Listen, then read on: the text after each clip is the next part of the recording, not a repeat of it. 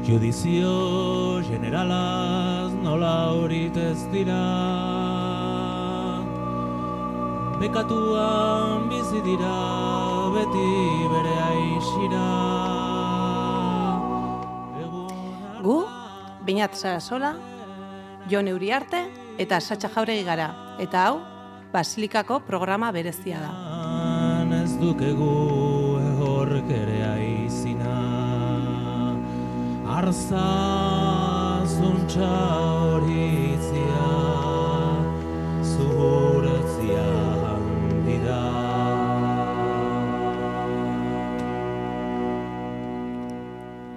Programa honek eremuakeko argitalpenean parte hartzeko gonbidapenean du abia puntua. Eremuakeko komitetik egiteko zehatz bat jaso genuen. Tabakalerako erakusketa aretoan egingo zen erakusketari buruzko testu espekulatibo bat idaztea. Oraindik egiteko zegoen erakusketaren inguruko hurbilketa egitea, alegia.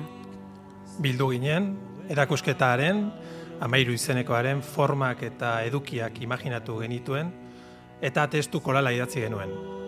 Testuari pikardatu edatua izenburu bitxia eman genion. Gaurko programak beraz, testu hartan jasotako hainbat inpresio, konbertsazio, hitz zapalketa, duda muda, titubeo, jolas eta itxur, itxurako hausnarketak, zalantzak eta egiazkoak diruditen hurbilketak izango ditu izpide.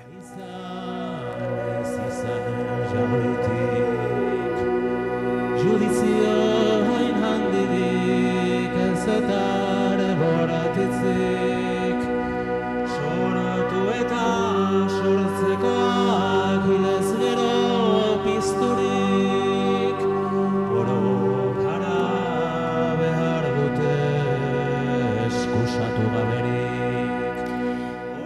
Basilika orain nia bi urte sortu genuen podcast plataforma bada. Sorrerak berak badu bere kontaketa propioa. Bulegoa zenbakigabeko leirek, mirenek eta beak, komisariotzaren inguruko mintegi bat antolatu zuten Bilboko alondegian. Eta bertan, hainbat egunez, 2000 urteko lehen hamarkadako kritikaren inguruko jardunaldiak antolatu zituzten. Peiok, garagunkariko mugalari gehigarri kulturalean, idatzi eta irakurritakoak ekarri zituen gogora. Artxiboetan arkeologia lana eginez, ondorioztatuz, egun apenas egiten dela kritikarik. Eta gutxi direla, kritikarako eskaintzen diren idatzizko espazioak. Kritika, krisian zegoela- alegia. Bilbotik donosterako pesa autobusean, Galdakao, Amorebieta, Durango, Eibar eta Itziar atzean usten genituen bitartean, kritikari eta pentsamendu kritikoari lekua eman beharra saritu ginen berbetan. Arte kritika egin beharra zegoen, baita kritika kulturala ere. Eta gure inguruan gertatzen ziren gertakari kulturalak horretarako abiapuntu interesgarriak izan zitezkeen. Konbertsazio bizi horretan, oso bizia izan baitzen, ziur nago gainontzeko bidaiariak molestatu genituela gure gehiagizko gestikulazio eta volumen altuarekin, kritika hori euskaraz egiteko desira nabarmena zen. Euskal hizkuntza gai espezializatu edo espezialito horiek jaso beharko zituen. Eta paper idatzian kulturari orokorrean eskaintzen zaion espazioa eskasa edo utxala dela ikusita, ahotsari presentzia ematea aproposa ikusi genuen. Ez gure ahotsak bereziki sakonak edo erakargarriak direlako, edo gure ahoskera eredugarria delako. Batit bat, ahoskoak espekulatzeko aukera ematen digulako. Narrazio koralak egitea albidetzen digulako, eta askatasunez eta irudimenez jokatzeko aukerak eskaintzen dizkigulako. Beraz, laestara ginen pentsatzen, zahatxa eta irati, animatuko zirela aukera, aukela inguruan garrabitatzen duten artistak elkarrezketatzera. Eta agian, beinatek eta gorkak, horren beste maite duten literaturaren inguruko monografiko batzuk prestatu ahalko lituzketela. Pablo ere, hainbat gaietan jakituna denez, programa batez, agian bi ere egin, egin zitzakeen Bilbo eta inguruan egiten diren erakusketak eta artisten lanak aitzaki hartuta, gero bere mundu paraleloetara zabaltzeko. Ur sakoneta murgiltzeko, sakoneta, kepa eta jonen programa. Bertan, filosofiak, estetikak eta mundu garaikideak bizi dituen esanetan eta kontraesanetan jarriko zuten fokoa. Konsoniko irrati estudioetan sortu zen Fenix Ragatza programak basilikan izan zezakeen jarraipena. Podcast proiektu honen bitartez, Bilbo eta Donosti inguruko hainbat lagun elkartzen hasi ginen. Proiektua imaginatzen hasi ginen, forma ematen. Edukia guztion artean komentatzen. Eta azkenean, Loiolako basilikara joan ginen gure jaiotze argazkia ateratzera. 2008 bateko apirila zen. Argazkia bagenuen, baina sintonia falta genuen. Ibone RG eta Berde Prato musikarietan pentsatu genuen zuzenean. Gertuko lagunak izateaz gain, ezina proposagoak zirelako abesti elizkoi gaurkotu bat konposatzeko. Artean Ibon itxarobordarekin ari zen kolaboratzen. Bernarre Txepareren poesia oinarri, musika eta rizitaldia uztartzen zituen ikuskizun batean. Ibonek argi ikusi zuen. Emanaldietarako prestatzen ari zen judizio generala abestia izango zen, basilikari soinu banda emango ziona. Ondoren, Berde Pratoren koruak etorri ziren, abestia zeruetara eramanez. Hasiera hartatik lagun eta programa gehiago batu zaizkigu abentura honetara. Oiane eta Enrikeren koro eta filosofian barrena garamatzaten Ainoa, Mijo eta Maiderren besaulkia programa. UPV, Konsoni, Tabakalera eta Eremuak bidelagun izan ditugu bide honetan. Entonces, bueno, en este deambular de, por la diferencia, en este- pues claro, me toca decir, puesto que, como dice mi madre, es de bien nacidos ser agradecidos, que, bueno, pues algunas ya sabréis que recientemente Epaimaiaren esanetan, 2008 bateko komunikazio saria, Basilika podcastaren zada, zorionak, hartatu sarian esedez, Argitu da misterioa.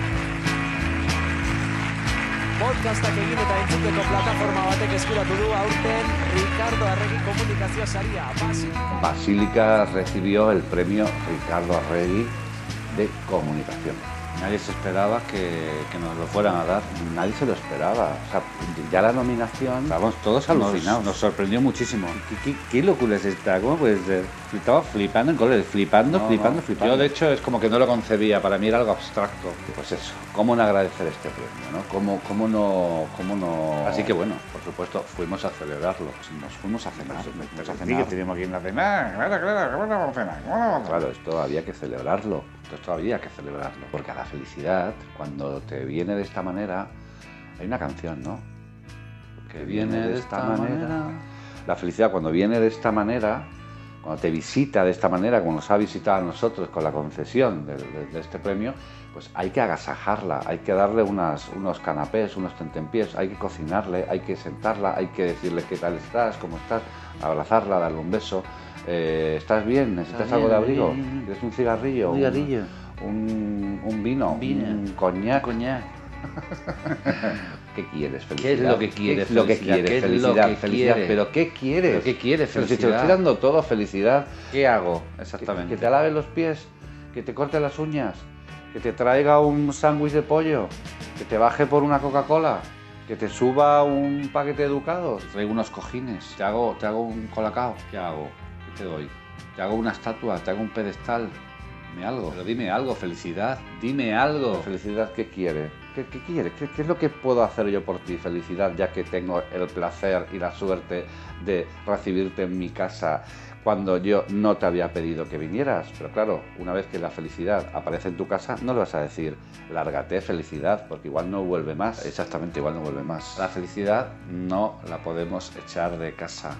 Con lo que es, no, no. Entonces, bueno, lo mejor sería, lo mejor fue el día de la, el día de la, de la celebración, en el que todo Basílica nos juntamos en un sitio bien merecedor de la, de la ocasión. Un sitio, bueno, de postín. Comimos de buen comer, ya se sabe, ¿no? Estuvimos Ah. todos reunidos y entonces pues eh, me levanté copa en alto, hice... miré a todos, a todas, y les dije, bueno, ya sabéis, sabéis, ¿no? Todos me miraron así. Se nos ha acabado la edad de la inocencia. La edad de la inocencia. Y la edad, pronunciando edad. Se nos acabó la edad de la inocencia. Sea, bien, muy contento todos por el premio, pero pues claro, claro, este es un premio muy importante. Esto supone una gran responsabilidad. Gaur egun, zazpi programek osatzen dute. Zelanda berria. Bueno, interpretazioaren kontra oso titulo potentea da eta berehala igarria suertatzen dena, eta pixka bat provokatiboa ere dela esango nuke, baina, bueno, artikuloa e, irakurri ala konturatzen zera egiten duen analisia, bueno, goiburu potente horretatik arago ere, nahiko sakona eta, bueno, xetasunez betea dela, ez? Nik azteko nik uste gauza bat kontuan hartu behar dena, eta saiakera horretan, sontak bera ipatzen duen zerbait da, testua ulertu behar dela bere kontestu historikoan. Ez? Eta mm, bereziki garai horretan, hau, irurogeietan eta idazten du, alako inflazio moduko bat zegoela literatur ikasketetan eta bestela artearen inguruko ikasketetan gain interpretazioak egiteko, interpretazio psikoanalitikoak esate baterako interpretazio marxista, bueno, gain interpretazioan erortzen zirenak, Eta esango nuke neurri batean... inoiz ez dela momentu egokia literatura zitza egiteko. Azken bi urteetan agian, inoiz baino gutxiago, denok ezagutzen ditugun, eta hemen esplikatzea merezi ez duten arrazoiengatik. Bai, bai, bai, ados, oso interesgarria, baina munduan dagoen bezala onda, benetan uste duzu ez dagoela kontu importanteagorik, zikiera liburuen aitzakian, hauzi serio, erabakigarri buruz hitz egingo bazenute, ez badizitu zuzenean esaten, ez da pentsatzen ez dutelako oso euskaldun edukatuak direlako baizik. Baina sumatzen da, hemisferio honetan, orain, ez da tokatzen. Ez dakigu noiz tokatuko den, egia esan. Eta ez dakigu beste hemisferioan nola dagoen asuntoa. Baina guk badazpada, zelanda berrira abiatzea erabaki genuen. Ezagutzen dugunaren antipodetan egongo den elkarrizketa literario baten bila. Mugalari izan ditugu Vanessa Springora, Jon Mirande, André Rof Rillet, Natalie Zogot edo Susan Sonta. Oraingoz, erabili dugun azken pasaportea, Gonzalo Tornek falsifikatu digu. Bide luzea dugu aurretik. Zeren, itaka urrun baldin bazegoen, pentsa maorien irla horiek non geratzen diren. Momentu honean okurritu zitzaigun, desde luego. Sakoneta. Egiaz garaikidea denak ez duela bere garaiarekin erabat bat egiten. Eta, beraz, zentzu hortan ez dela garaikoa. Baina, injustu, anakronismo hortatik edo arrakala horretatik, e, desfase horretatik nahi balin bada, gainontzekoek baina hobeto ulertzen duela bere garaia. Eta kontrara, bere garaiarekin erabat bat egiten duena, garaia erabat besarkatzen duena, ezin dela garaikide izan, hain justu garaiaren zera horrek, argitasun erabateko hori besarkatzeak itxutuko balu bezala e, garaiaren ilunak ikusteko, ez? Sasi berria dena, azken finan dela, garai horren menpe dagoen hori eta berria benetan oso zeurea sentitzen ez duzun esparru batean sartzen zara hankapuntetan. eta oreka zail batean zabiltza saioz saio. Bai bai dakizu erraz dela erriste egitea. Aski dela egun eguzkitsu bateko pos aizea edo grabatu aurreko zerbeza pareak puztutako antustea. Tonua sendotu eta koinatuaren era gerturatzeko. Eta hori ez, otoi, hori ez, ez ez, are gutxiago ausarkeriak ez jakina aditu hainbestetan bilakatzen duen ingurumari honetan. Orduan, nola aritu kultur kritikaz pontifikatu gabe? Nola lortu jakintza bainoago jakimina adierazten? Eta batez ere, nola esan zerbait diskurtsibidade utxalean erori gabe? Hori da, eta ja da programaro egiten dugun bezala, gaurkoan ere, programa honen balizko erretratua marrastuz hasiko gara enekaren argazki liburuetan oinarritutako irudi iradokitzaiez osaturiko erretratua. Izoz mendiak, itxasoa. Papera. Pasaia. Carmen. Sukaldea. Umeak. Guraizeak. Liburuak. Argazkiak. Kajoiak. Jose. Finiz ragatza programak gertaera artistikoa hartzen du abiapuntu unibertso zabal bati bide emateko. Gertu ditugun erakusketak, jaialdiak edo artisten lanak programa bakoitzean sakon eta zabal lantzea da gure asmoa. Hitzez, erreferentziaz, soinuz, irudiemenez, irakurketez eta lagunez inguratuta. Gaurkotasuna, iraganari helduz eta etorkizuna imaginatuz landu nahi dugu. Gertakariak elkarren artean erlazionatuz, ahotsak nastuz. Testu ingurua proposak sortuz. Hori guztia, irakurketa posible ugarietara heltzeko asmoz. Moira Davy, Alexandra Kolontai, Bali Export, Dora García, Irati Gorostidi eta Mirari Txabarri edo Eneka Fernandezen lan artistikoak izan ditugu mikroan solasgai. Berdela. De Oquela eh, presenté varias piezas pequeñitas. Eh, una era una pieza sonora que ya había presentado antes una vez, eh, formada de un diapasón eh, un diapasón que suena con una nota, eh, que es la nota que hace una amiga mía, Justine, y que eh, la grabé en un momento dado, le pedí que cantara la nota con la que estuviera más cómoda y a raíz de esa nota hice un diapasón. Entonces es un retrato de ella a través de la voz y del diapasón y normalmente lo tengo sonando con, con un electroimán para que esté sonando todo el rato. Entonces es una frecuencia que ocupa el espacio y que también, bueno, tiene que ver también con la idea de, de norma, la idea de una... El diapasón se utiliza para generar una norma a nivel musical. ¿no? Okelako erakusketa aretoan, untaia garaian partekatzen den ezagutzari jarri nahi izan diogu harreta podcast honetan. Inaugurazioaren aurreko egunek berezkoa duten urgentzia sentsazioa dela eta batzuetan zaila egiten da artistekin esperientzia horretaz hitz egiteko tarterik aurkitzea esperientzia komun horri helduko diogu berdelan artistekin batera diskursoa erekitzeko. Bereien asmoak, ekintzak eta beldurretan sakondu, haien gandi jasotzen dugun isladan gun hor garen ere deskubritu al izateko. Koro, sobre todo entender el, el, el sonido como, como, un cuerpo más. Mm. El problema, es. el problema que tenemos es normalmente es que al ser invisible ¿no? parece que no está y que es, y, y, y que es como un elemento, como un, como un background. ¿no? El sonido, bueno, es, es, es, tiene un componente físico inevitable. Mm. Es verdad que se puede bailar efectivamente desde el silencio y que yo creo que muchas veces cuando se empieza a hacer un trabajo de danza casi es lo más adecuado, más que tratar como de llenar ¿no? ese horror, o sea, ese, ese horror y que muchas veces tenemos ¿no? de, de, de miedo a, al vacío, pero es verdad que es un buen ejercicio empezar desde el silencio. Pero también es cierto que la fisicidad del sonido está ahí y está ahí para jugar con ella. Para mí, eh, eh Entzutearen bitartez, entzutea bera ikertzea, entzutea zausnartzea.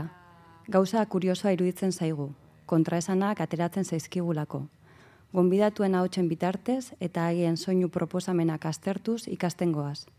Soinu kolax oso amateurrak diren lehen saio hauetan testu inguru hurbilean soinu ekintzetan dabiltzaten artisten lanak helarazi nahi izan ditugu.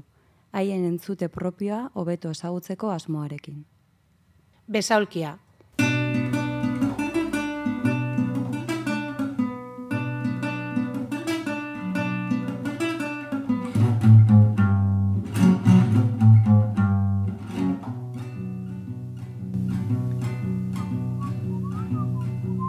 Agurbana Basilikako besaulki irukoitzetik. Mijol Izarzaburu, Maider Arregi eta Ino Aurien gara. Filosofian arituak edo gai batzuen inguruan adituak izatearen, edo izatea nahi dugulako, no ez dakit izatea nahi dugun, onartu genuen filosofiari buruzko podcast saio baten ardura. Filosofia ikasketak egin ditugu. Platon, Wittgenstein, Russell, Nietzsche, Schopenhauer, Frege, Perry, Kant eta Abar. Eta apur bat Boboar eta apur bat Arendt. Azaletik ikutu ditugu, komentatu egin ditugu. Horrela, kupoa betetzearen dauden bi emakume klasikoak. Hemen ere, txakurrak hortozik. Zure gorputzari begiratuko diozu eta pentsatuko duzu, zenbat faktoreren ondorioa da nire itzen dudan ezur, azal eta abarzati hau? Eta beldurtu bezain beste postuko zara. Niak ez daukalako zentzurik, hori sortzen duen egituratik kanpo. Eta une horretan, besolki batean eseriko zara, egitura bera ulertu nahian. Pare lagunekin bestelako eraikinak, gorputzak, danborrotxak eta munduak imaginatzeko. Informe infame. Importante. Hay una cosa que me ha resultado muy curiosa y te comenté antes de la exposición y es que hay un acento importante en la cuestión lingüística, en la cuestión escritural, en la escritura entendida desde la poesía, pero también entendida casi como forma de, de activismo. Y, y, y en el texto que, que titulas también Ensayo sobre lo cutre, que, que se encuentra en el catálogo, hay un momento que dices dejar de hablar o escribir con propiedad para hablar o escribir desde el común incierto. Así opera el lenguaje de Benyoc. ¿Qué sería esto del común incierto? La forma es una forma como que son por un lado muy complejas pero a la vez muy, muy sencillas, ¿no? Sobre todo que hay una accesibilidad a esa forma en la que sí que entra esta invitación a que todo el mundo la puede hacer. ¿no? Mi programa ideal sería musical. Una conversación que avanza como un juego de melodías, con entradas y salidas, subidas y bajadas de toda clase de sonidos, fondos fílmicos y diferentes temas musicales. Ahora una explosión eufórica, ahora un valle de susurros, ahora una galopada. Ahora la voz húmeda de un tipo que dice, los rubios miran con expresión estúpida a Pierre. Ahora un tintineo de lagrimitas de avalorios en tiritas de strass. Ahora un largo comentario de una escritora fascinada con la historia de los rayos globulares. Ahora el twist del eclipse.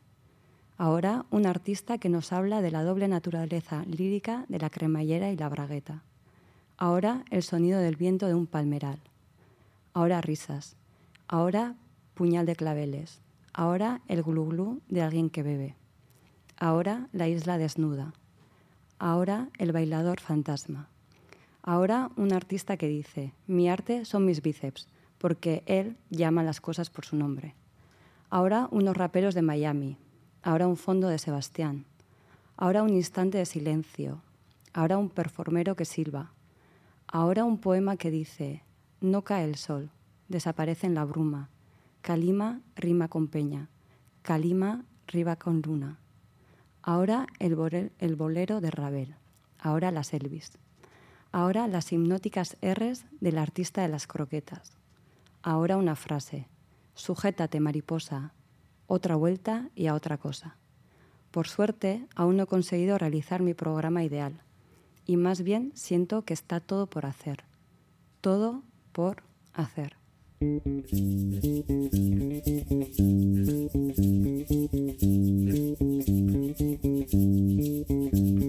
¡Caballo! ¡Anda! ¡Arre!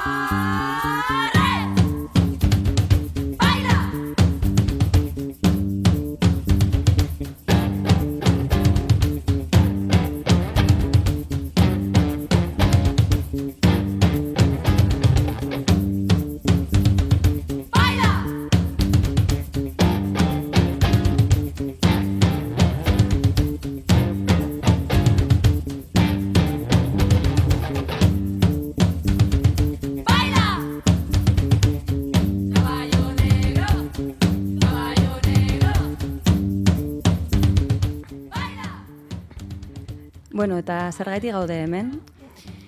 Eskatzen ziguten betekuzuna etzen ohikoa, eta erantzuna ere ezin bestelako izan. Oraindik osatu gabeko erakusketa baten inguruan idatzi behar genuen. Apenas genuen ezer. Parte hartuko zuten artisten izenak eta erakusketa egingo zen toki hutsa. Ez obrarik, are gutxiago noski, haien banatze espazialik. Ze arraio idatziko dugu, galdetzen genion gure kolkotik. Bos bat lagun bildu ginen tabakalerako nabedos aretoan. Gure arteko arte narkotrafikatzaile finenak, eremuak erakusketan parte hartuko zuten artisten irudiak ekarri zizkigun. Saretik eskuratutakoak gehienak, Instagrametik. Haien zenbat, haien zenbait piezen argazkiak edo haien proposamen artistikoen erregistroak. Haien ordura arteko praktika artistikoaren lagin batzuk. Ez zutenak zertan, erakusketan, erakutsiko zutenarekin bat etorri jakina. Kolorezko horri imprimatuak besterik ez genituen beraz, eta hormi, horma zuri zabalak. Grabagailua piztu genuen. Karta jokoetan eta tarotean inspiratutako jolas moduko bat proposatu zigun gure narkotrafikatzaile konfiantzazkoak. Buruz bera zeuden irudia anabasatik, irudi bat hausa sartu eta paretan itxatxi. Banaka joan ginen irudiak zintzilikatzen. Eta hien artean loturak egiten hasi ginen. Honakoa honen ondoan ondo etortzen da. Zer iruditzen zaizue beste hauek multzokatzen baditugu? Eta argazkiak lotzen et, edo haien artean lerroak marrazteari ekiten genion. Bizka, e, izketaldi absurduak izan genituen, zentzuzkoren bat ere bai agian, eta alaxe egin genuen aurrera. Horma gero eta beteagoa zegoen. Zer ordu da, bota zuen batek. Bukatzen joan beharko genuke, beste batek. Lurrean zegoen desestali gabeko argazkien multzoari begiratu genion. Dudarik gabe, horman jarri genituenak, baino gehiago zeuden oraindik lurrean. Iluntzen hasia zen. Ez ez, esan zigun narkotrafikatzaileak. Denak desestali arte jarraitu behar dugu. Nola baina, zentroa itxiko digutu eta martxa honetan. Narkotrafikatzailea ez da amore ematen erraza, baina orduan amore eman behar izan zuen. Grabagailua itzali genuen. Baster batean zegoen mai luze batean bueltan eseri ginen, eta berriz ere grabagailua piztu genuen. Aretoan gertatutakoaz mintzatzen hasi ginen, beste patxada handiagoaz. Eta ikusi genuen hiru irudi uholde horren inguruan eta izan genituen inpresioen inguruan. Nola imaginatzen dugu erakusketa? Leio handi hauek, leio handi hauekin zer egin batek? Ez aldu espazio honek asko mugatzen erakusketa bere imaginatzeko? Ez duzu ikusten patroi orokor moduko bat dagoela honetan guztian? Pikardatua. Pikardatua? Horixe ba, lomoteado. Imaginatzen duzue erakusketa bat ideia horren bueltan josia? Pikardatua beraz. Naiz eta oraindik ez genekien moteado euskeraz pikardatua zenik. Bagenituen argazkiak, bagenituen loturak. Denbora tarte horretan guztian esan genituenak. Pikardatua ere hortxe genuen. Baina nola arraio egin, baina nola arraio egingo genuen testu idazteko? Transkribatu dezagun, grabatu duen guztia. Hortik has gaitezke. Baina hiru ordu baino gehiago grabatu dituguta. Berdin du, abia puntu ona izango da. Bat baino gehiago ondo ezik sentitzen hasia zen. Pikardaturik. Kaina bat behar dut entzun genuen. Nik ere bai. Grabagailua itzari genuen.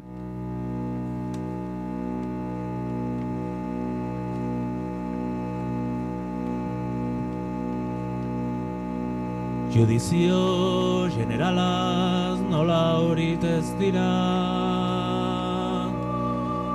Bekatuan bizi dira beti bere aixira Egun hartan galezkiten aitzinetik begira. Hanor duian ez dukegu ehork ere aizina. Arza Alquilamos una casita frente al mar. Vemos muy poca gente. Fumamos hash como locos. Antes de empezar, limpiamos toda la casa. Aunque esté muy limpia, normalmente lo está. Y lo comentamos. Esta casa está muy limpia. Pero aún así la limpiamos. Nos da seguridad. Una de nosotras hace un guiso, con mucho laurel. A la reunión asistimos con bolígrafos Bic y libreta con anillas. Hay ordenadores. Se pasean a nuestro alrededor. Nos dan amables indicaciones.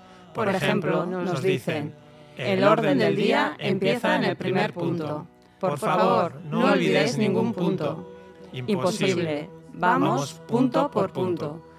Uno de nosotros, que es peluquero y tiene experiencia con rulos, ejecuta un movimiento en el aire con la mano, como un arabesco, y según la mueve pasamos al siguiente punto. Así sabemos que la reunión se va desarrollando a su ritmo, en giros descabellados. Somos prudentes, somos de verdad muy prudentes, y hablamos de cualquier cosa, no hay prisa.